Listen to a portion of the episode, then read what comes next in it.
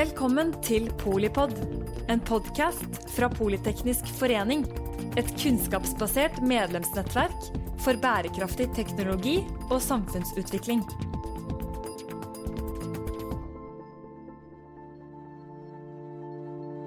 Nasjoner og bedrifter verden over erklærer netto null, eller net zero, i samsvar med målsetningene i Parisavtalen.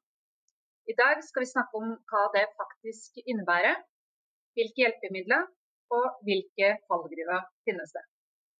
Velkommen til Polypod i regi av Politeknisk forenings nettverk for bærekraft og nettverk for CO2-håndtering. Mitt navn er Hanne Rolén, og jeg er bærekraftsleder i Carbon Capture og styreleder i Politeknisk forenings nettverk for CO2-håndtering. Og med meg her eh, via eh, podkasten så har jeg med meg noen andre spennende gjester som kan hjelpe oss med å belyse dette temaet. Velkommen til dere, og kan dere være så snill å presentere dere kort med rolle og organisasjon.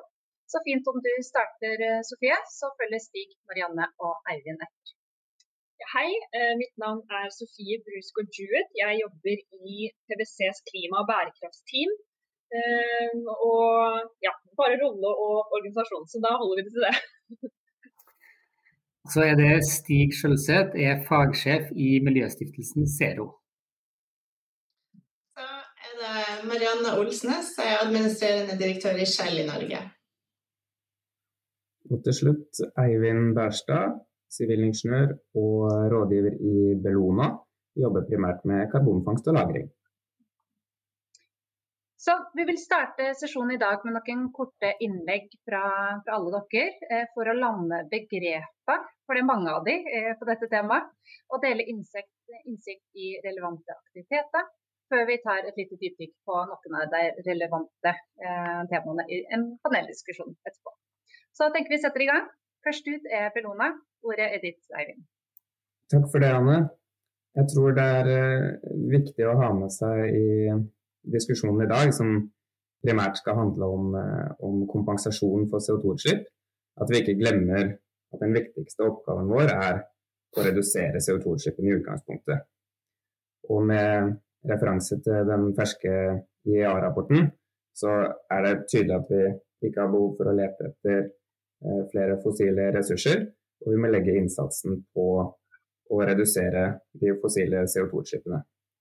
Og det kan da enten gjøres ved å redusere karbon som en innsatsfaktor i prosessen, eller man kan ha karbonfangst og -lagring på, um, på, industrielle utslipp.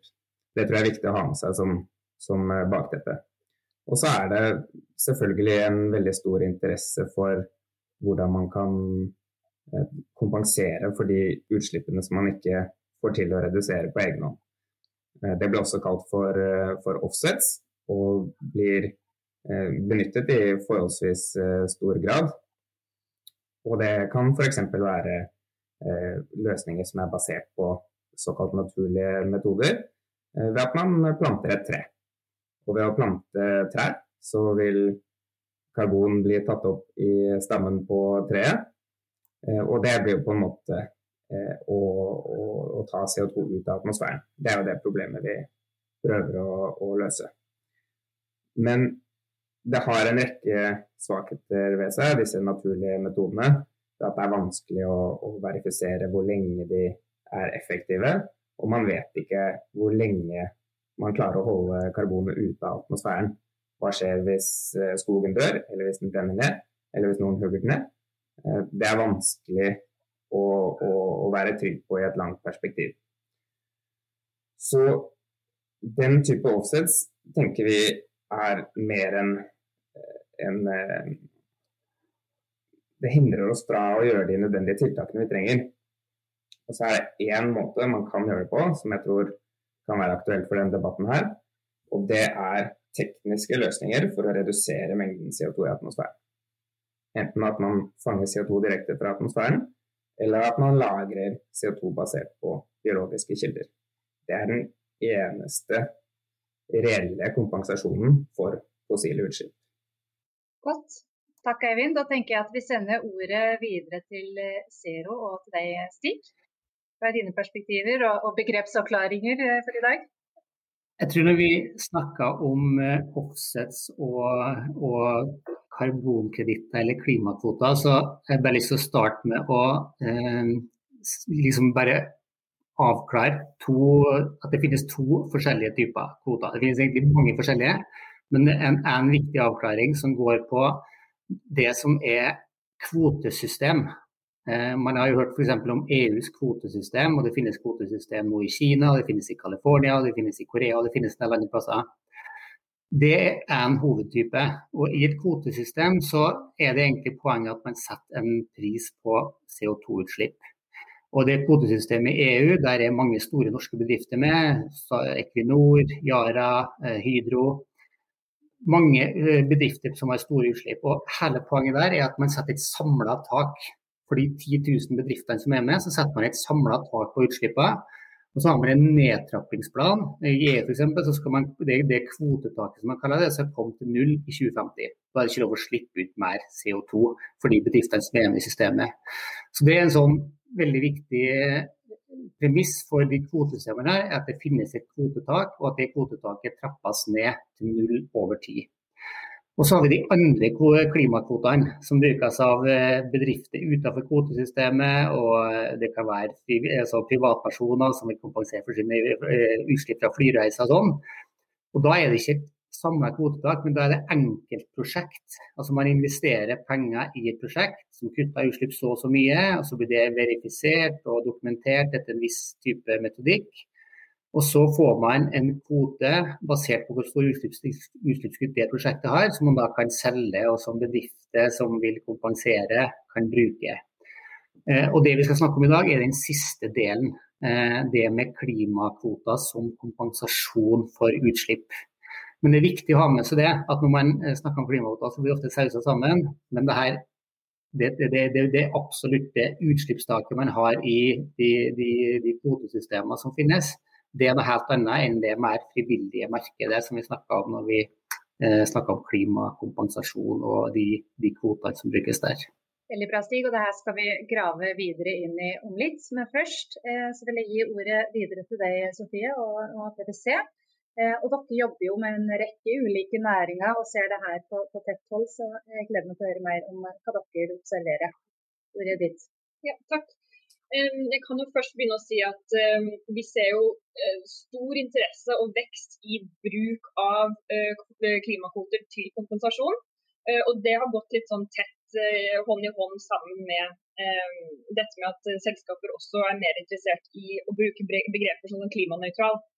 Eh, og da vil jeg også kanskje eh, lite ekko av det Eivind sa tidligere, at, du, at, det å kalle seg klimanøytral det innebærer en del sånn steg. og De føringene får vi fra mange forskjellige rammeverk, bl.a. Eh, Forbrukertilsynet, FNs eh, Climate Neutral Now, eh, flere rammeverk som gir oss disse stegene. Da, men de innebærer at man skal beregne sine klimagassutslipp, og man skal rapportere på det årlig. Man skal um, man skal selvfølgelig aller viktigst eh, så skal man jo redusere utslippet sitt. Det er det aller viktigste. Og så skal man også helst lage seg en plan for videre utslippskutt. Eh, og, og virkelig liksom altså, altså, integrere det i strategi og finansiell planlegging. Og så skal man til slutt uh, vurdere uh, å kompensere for Eller man skal, for å kalle seg klimanøytral, så skal man kompensere for det utslippet som gjenstår um, hvert år. Um, så det er viktig at vi fokuserer selvfølgelig på dette med reduksjon, men at klimanøytralitet er liksom en sånn pakke, en, en sånn pakke eh, for at man skal kalle seg det. da.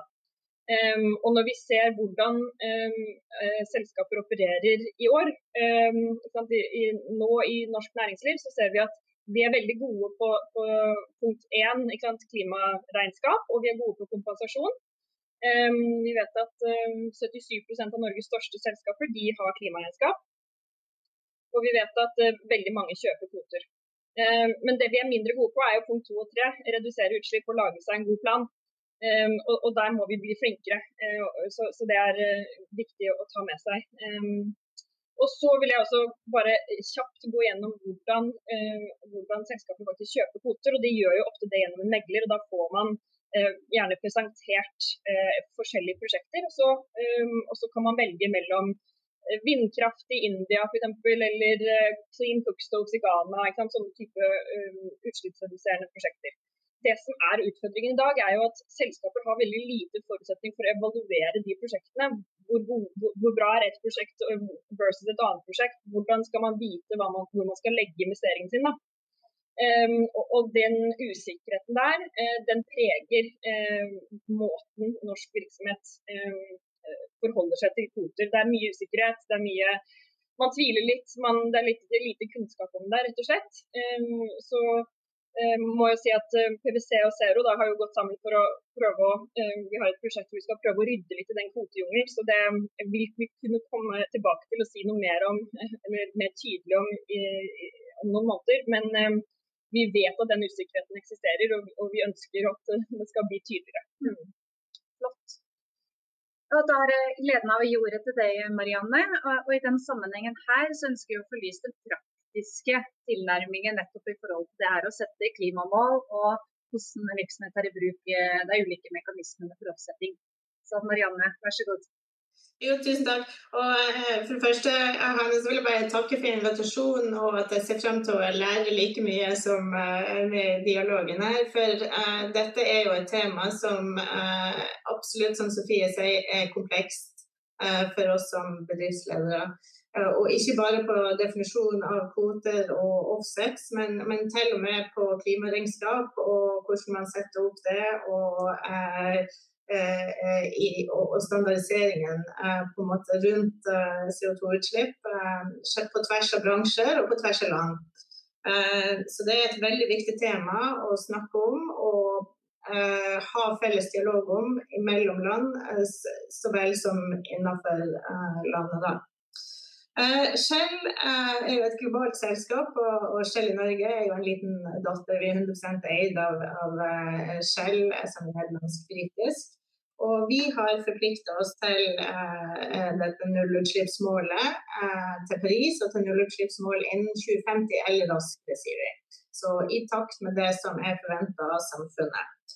Eh, vi er jo for folk flest kjent som en olje- og gassprodusent, men eh, vi definerer oss sjøl som et energiselskap.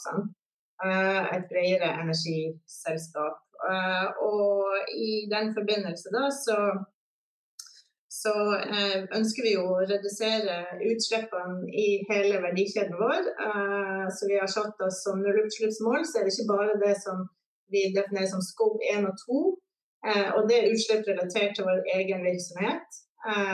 Det å produsere olje og gass fører med seg utslipp, og, det kaller vi for scope 1 og 2. Men vi eh, inkluderer også scope 3 i målsettingen vår. Og det er utslippene relatert til de produktene vi selger. Så eh, det at vi selger olje- og gassprodukter, og at jeg som endekundebruker eh, eventuelt bruker det i gassgrillen min eller eh, i bilen min, de utslippene tar vi også med i vår målsetning i forhold til å redusere. Og akkurat som Stig og Eivind sier, så er jo det aller viktigste egentlig å unngå utslipp. Uh, og så er det å redusere utslippene så masse som vi kan. Og så helt til slutt kommer det med å mitigere utslipp vi ikke klarer å, å, unngå eller å redusere. det.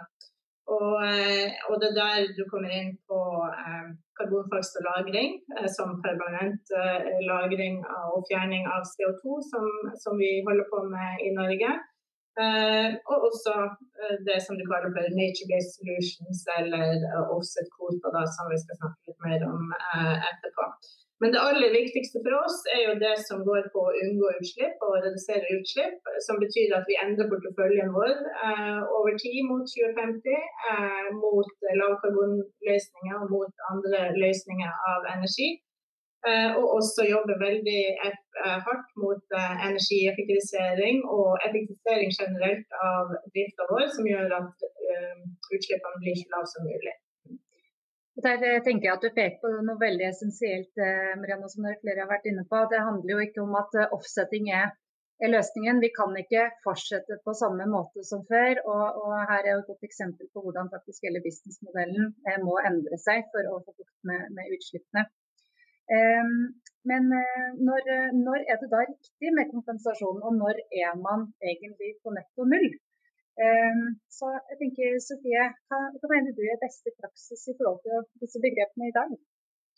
Ja, um, Det er jo et veldig godt spørsmål. Uh, og netto null-begrepet er jo litt sånn spesielt. fordi at uh, der vet at Det utvikles i dag en metodikk av Science Based Target Initiative som sier at den type kompensasjon er den som teller imot et netto null-mål. Det er kun den typen som drar karbon ut av atmosfæren på en eller annen måte. Det er ikke nok da å bare unngå utslipp. Eh, sånn som mange av disse andre kvoteprosjektene gjør. Eh, så Der er det helt klare føringer på hva slags type kompensasjon som teller inn mot et sånt netto null-mål. Eh, så Det blir jo interessant å se når den metodikken blir ferdigstilt, om det kommer noen nærmere føringer, noen flere detaljer om hva slags prosjekter som inngår der. Men, men, per i dag så er det sånn at hvis man ønsker å være, eller uttale seg eller ha et mål om klimanøytralitet, så er det denne firestegsplanen som, som skal til. Hvor og jeg tror vi alle her er enige om at det aller viktigste steget der er dette med å redusere utslippene og, og, og virkelig tenke gjennom. Um, det har jo vært en tendens for, for, selskaper å bare si vi skal bli klimanøytrale i morgen, og så kjøper man masse kvoter og så er man i mål. Um, det er jo ikke best practice i det hele tatt. Man skal gjerne ta det inn over seg. Hva vil det si for oss å faktisk bli klimanøytrale? Hvordan kommer vi oss nærmest mulig null? Eh, og så er eh, eh, kompensasjonen er kun et verktøy før man kommer seg dit. ikke sant? Så det er, Jeg tror det er et absolutt et viktig verktøy og, og, kommer nok til å spille en stor rolle videre. Men vi holder fortsatt fokus på reduksjonen som, som hovedmekanisme her. Jeg ser kanskje det er innspill fra, fra, dere andre på det, men, men er veien til Paris, for å si det slik, den, skal man bruke kompensasjonen i utstrakt grad inntil man faktisk har gjort de grepene man kan gjøre med både businessmodeller og reduksjoner, og andre tiltak. Eh, takk på det, Eivind? Ja, eh, jeg tror transparens og, og, helt åpenhet om hva slags type kompensasjon man bruker, det er kjempeviktig. Jeg syns eh, er eh, forbilledlig der, med at de sier at vi er karbonnøytrale, men vi måtte jukse for å komme dit ved å kjøpe kompensasjon. Det er veldig tydelig den utfordringa man står overfor. Det finnes ikke et marked i dag for de utslippskompensasjonene av en høy nok kvalitet som trengs for å kompensere for fossile utslipp. Så min oppfordring til virksomheter i dag, det er å etterspørre negative utslipp. Og det kommer til å være et marked som er mye mindre enn det vi tror. Det, kommer, det er helt oppblåst, de forventningene man har til at man skal kunne kompensere med, med biologisk CO2 og lagring av det. Så mye biomasse kan vi ikke lagre under bakken. Så da sitter man igjen med direktefangst av luft, som eh, den muligheten som markedet bør etterspørre. Stig, noen refleksjoner på det samme? Ja, jeg er veldig enig, egentlig. Um, og jeg har nesten problemer med å bare bruke begrepet kompensasjon. Fordi at uh, jeg tror de kvotene som gir reell kompensasjon, de finnes egentlig ikke i markedet i dag. Der du kan si med veldig stor sikkerhet at jo, det er tonnet som jeg slipper ut fra min virksomhet, det blir faktisk kompensert én til én gjennom det prosjektet vi har investert i. Det, det, er jo det der med miljøintegritet på, miljøintegritet på kvoter, som vi snakka om. Liksom, hvordan vet du at det er faktisk et reelt kutt? Det er en glideskala. Noen kvoter har opplagt en, en klimaeffekt som er veldig nær null. Andre ligger kanskje at de har en dokumentert effekt, men at det er eh, så god effekt at du kan si at det kompenserer. Jeg kan flytte til New York med god samvittighet den helgeturen. De kvotene finnes faktisk ikke i markedet i dag. Og i den grad de finnes, så er de veldig veldig dyr. For da handler det om å dra eh, eh CO2 rett ut av atmosfæren. Så eh, hvis vi som tilbake til ditt spørsmål, eh, er klimakvoter eller klimakompensasjon en vei til Paris? Nei. Absolutt ikke. Altså Klimakvoter eller kompensasjon på den måten er egentlig en levning fra, annet, fra en helt annen tid. Eh, fra 20 år tilbake, når vi ikke hadde Parisavtalen, men det som kaltes Kyoto-protokollen, der var det bare noen få rike land som hadde forpliktelse med å redusere sine utslipp. Så da For å engasjere utviklingslandene og Kina og India og de landene som hadde raskt voksende utslipp, så laga man mekanismer der man kunne investere i prosjekt i de landene. Og de rike landene kunne bruke de kvotene for å, for, for å nå sine egne mål. Så, så det her er jo historien av en levning fra en annen tid, eh, der bare en, en, liten del av verden hadde ansvar for å kutte sine utslipp. I Paris så skal jo alle land kutte sine utslipp, og alle utslipp skal til null. så raskt som mulig. Og det sier seg selv at når alle utslipp skal til, eh, til null så raskt som mulig, så finnes det jo ikke så mange utslipp å ta for å kompensere for alle andre. Så, så, så, så klimakompensasjon er en veldig liten del av den eh, strategien vi trenger for å nå målet i Parisavtalen. Jeg tror Marianne, du hadde en kommentar til det? Ja, um, jeg tror, og jeg er også enig i det som Stig og Eivind sier, at, eh, at klimakompensasjon er jo ikke på en måte uh, løsninga på å fortsette som før i forhold til uh, um, uh, det energisystemet vi har i dag. Men, men den utfordringa vi har i verden til å omlegge et helt globalt energisystem, er jo fenomenalt stor, og det er jo en historisk utfordring for oss å ta del i da, og være med på. Eh, og det er ikke bare ett verktøy som må til. Eh, vi må bruke alle verktøyene i skuffa for å komme i mål. Og jeg tror det er viktig at eh, verden og vi som forbrukere også har en forståelse av naturen sin evne til lagring av CO2. Eh, og eh, viktigheten av ikke bare eh, natur og biodiversity og helheten, men den rollen den spiller i balansen for naturen. Så sådan så syns jeg at vi ikke skal avfeie at også klimakvoter er et, et verktøy, men som ikke skal kunne brukes til å opprettholde situasjonen som den er i dag. Det er jeg helt enig i. Mm.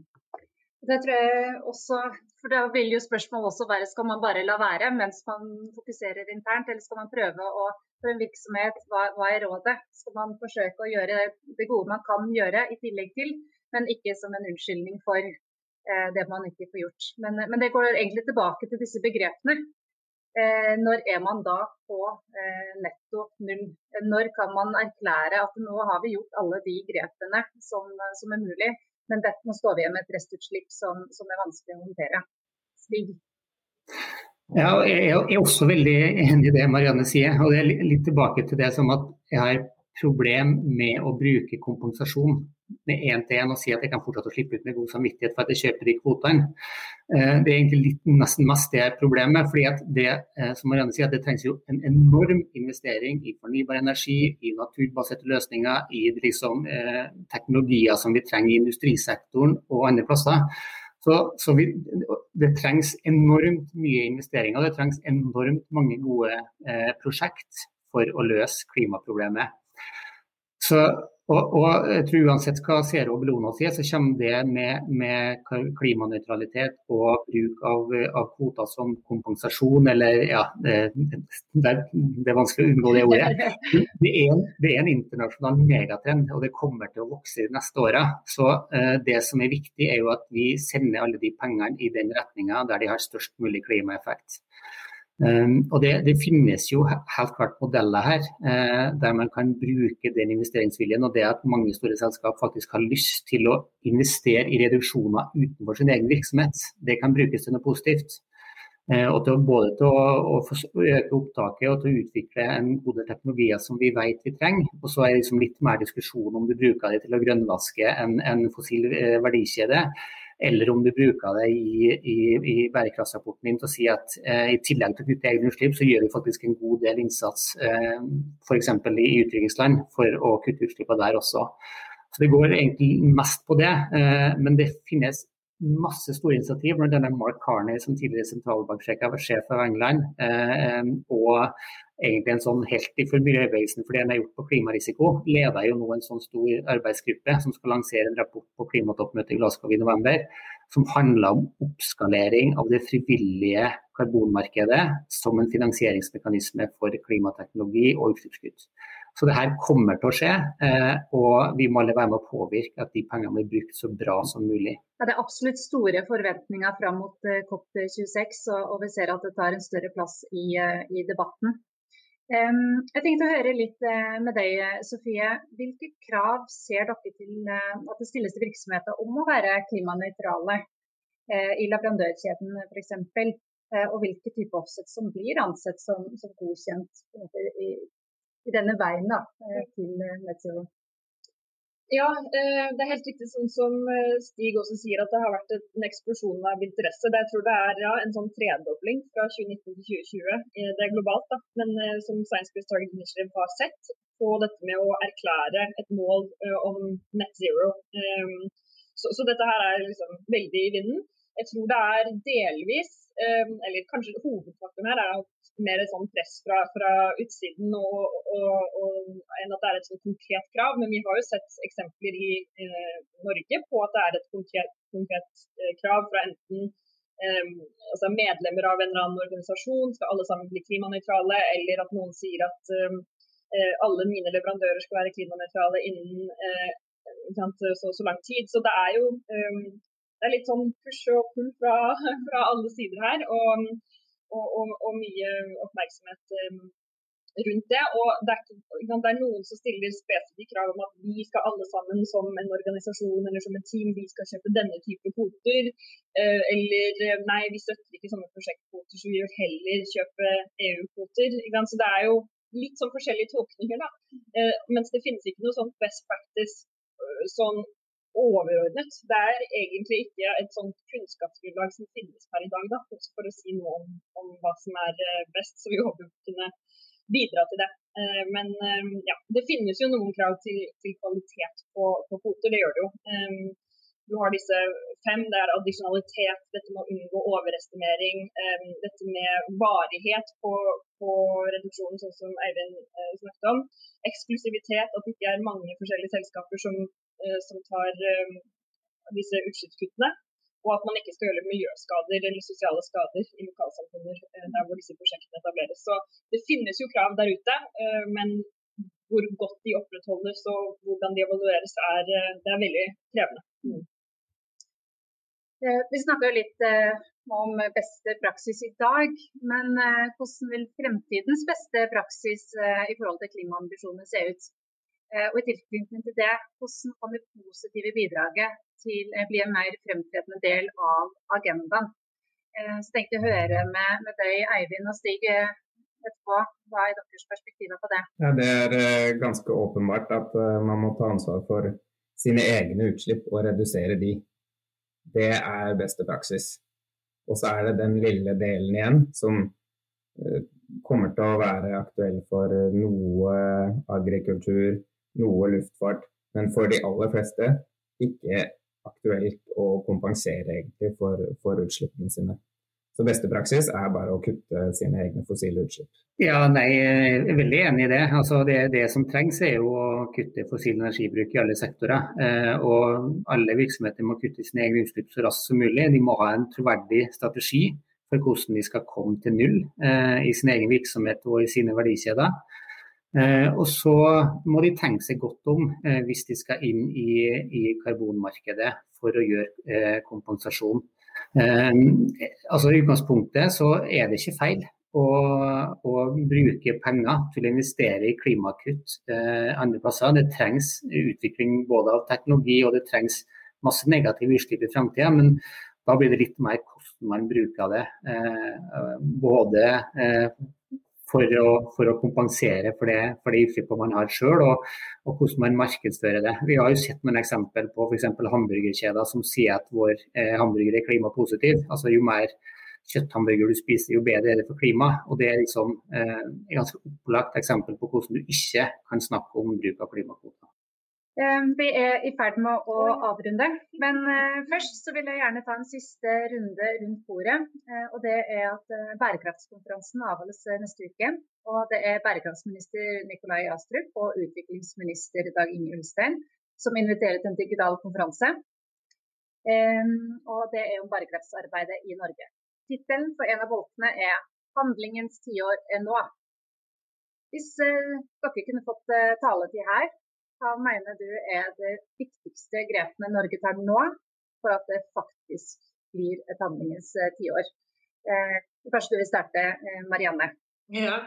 Eh, ja, jeg, skulle ønske jeg var litt syns da, i forhold til energimeldinga som eh, Tina kommer med i juni. Uh, for jeg har jo store håp til hva slags føringer som ligger i den. da. Men det første, først og fremst så tror jeg det er ekstremt viktig at, at vi enes om eh, denne CO2-prisingen. Um, uh, som gjør at man som bedrifter kan ta de riktige valgene uh, og, og, og, være likt konkurransedyktig på tvers.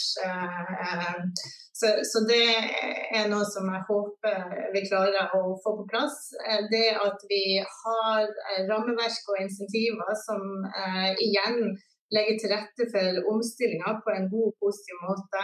Vi har enorm kunnskap og eh, ressurser eh, bygd opp i Norge i eh, olje- og gassbransjen, som vi jo må få lov å benytte oss i overgangen til eh, de nye energikildene. Og Det tror jeg vi som land skal få til på en god måte, men vi må dra i samme retning. Eh, så det gleder jeg meg til å se. Veldig bra. Eh, hva med deg, Sofie?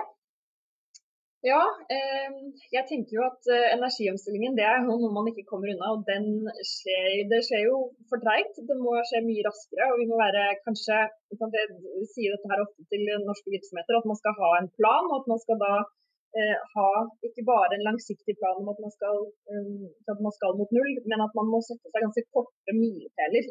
Da da gjelder det jo faktisk å komme med eh, sant, konkrete tiltak. Og eh, at jeg tror også det vil gi litt sånn fart på ting hvis, eh, hvis de tiltakene går rett på den energiomstillingen. Da.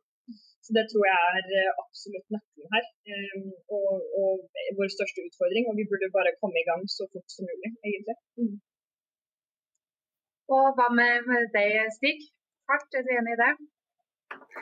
Ja, jeg tror på det spørsmålet vil egentlig svare de tre hovedprioriteringene som ligger til grunn for Zeros arbeid. Og det første er å skape marked for nullutslipp. Altså Vi må ha karbonprising, vi må ha krav i offentlige anbud og reguleringer som gjør at det blir lønnsomt å kutte utslipp og eh, dyrt å forurense. Og da vil du få rask elektrifisering av transportsektoren og du vil få utslippskutt i alle sektorer. Nummer to er at Norge må bidra til å utvikle løsninger for de sektorene som er litt vanskeligere å komme til null i.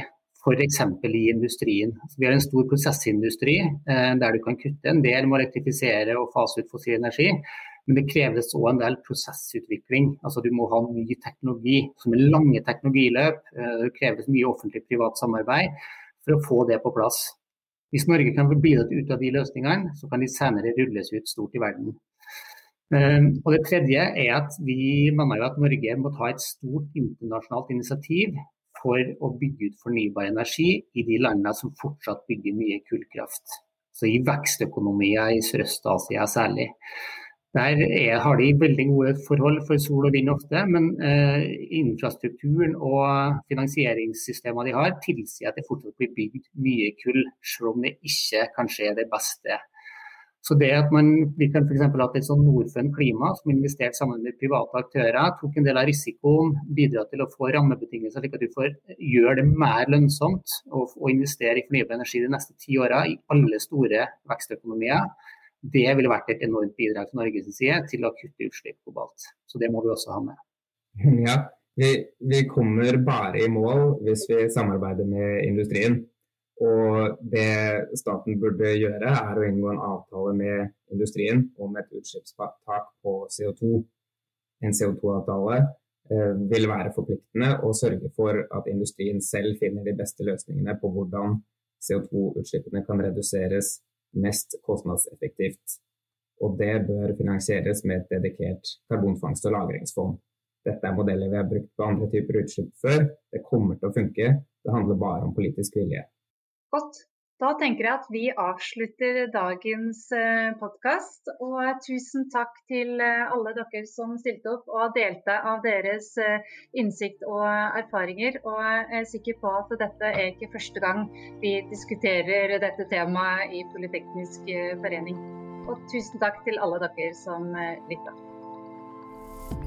Takk for at du lyttet til Polipod fra Politeknisk forening. Få med deg flere episoder, eller bli med på nettverksmøtene som du finner på at polyteknisk.